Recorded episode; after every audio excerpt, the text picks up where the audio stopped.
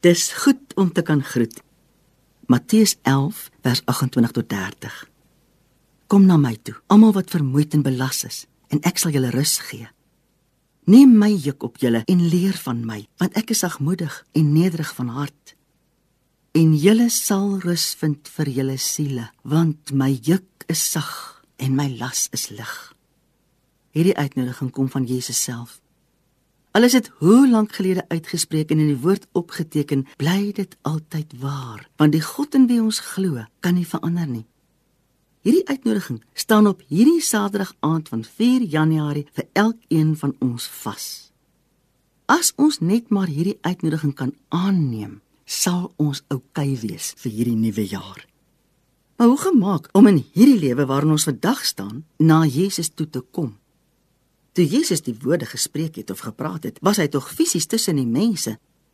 In daardie opset het dit eintlik 'n ander betekenis gehad nie waar nie. Hulle kon regtig opstaan en agter hom aanloop.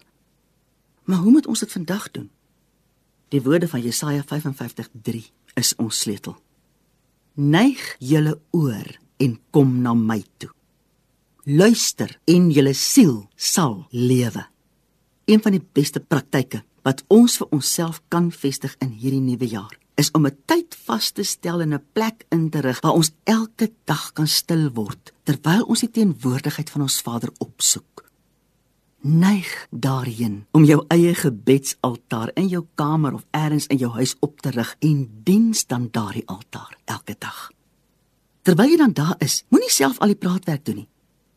Oefen om ook te luister wat ons Vader vir jou wil sê. Neem die uitnodiging aan. Kom na my toe, almal wat vermoeid en belas is. Vra dan na hom met jou hele hart. Vader In die naam van Jesus vra ek, leer ons hoe om ons oor te neig sodat ons kan luister en help ons om te kies om U te volg, want ek wil in U lewe. Dankie Vader vir hierdie groot wonder van die nuwe jaar. Amen.